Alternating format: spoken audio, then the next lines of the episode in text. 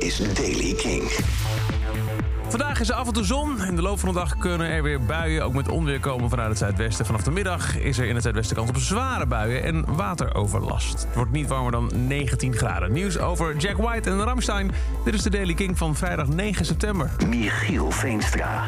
Jack White heeft een nieuw live album aangekondigd... met opnames die hij heeft gedaan van zijn ook dit eh, zomer, deze zomer nog in Nederland te zien geweest... de Supply Chain Issues Wereldtour.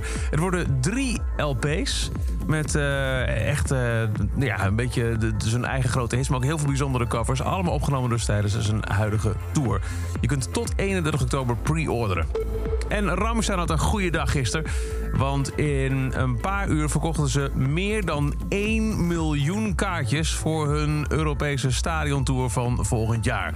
Uh, dat was ook voor Groningen geval. 6 juli staat uh, de band daar. King Presents in het Stadspark in Groningen. Ramstein.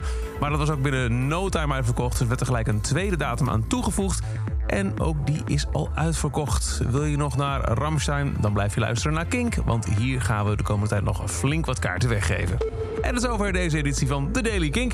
Elke dag een paar minuten bij met het laatste muzieknieuws. Niks missen? Zoek dan in je favoriete podcast-app The Daily Kink op en abonneer je. Elke dag het laatste muzieknieuws en de belangrijkste releases in The Daily Kink. Check hem op kink.nl of vraag om Daily Kink aan je smart speaker.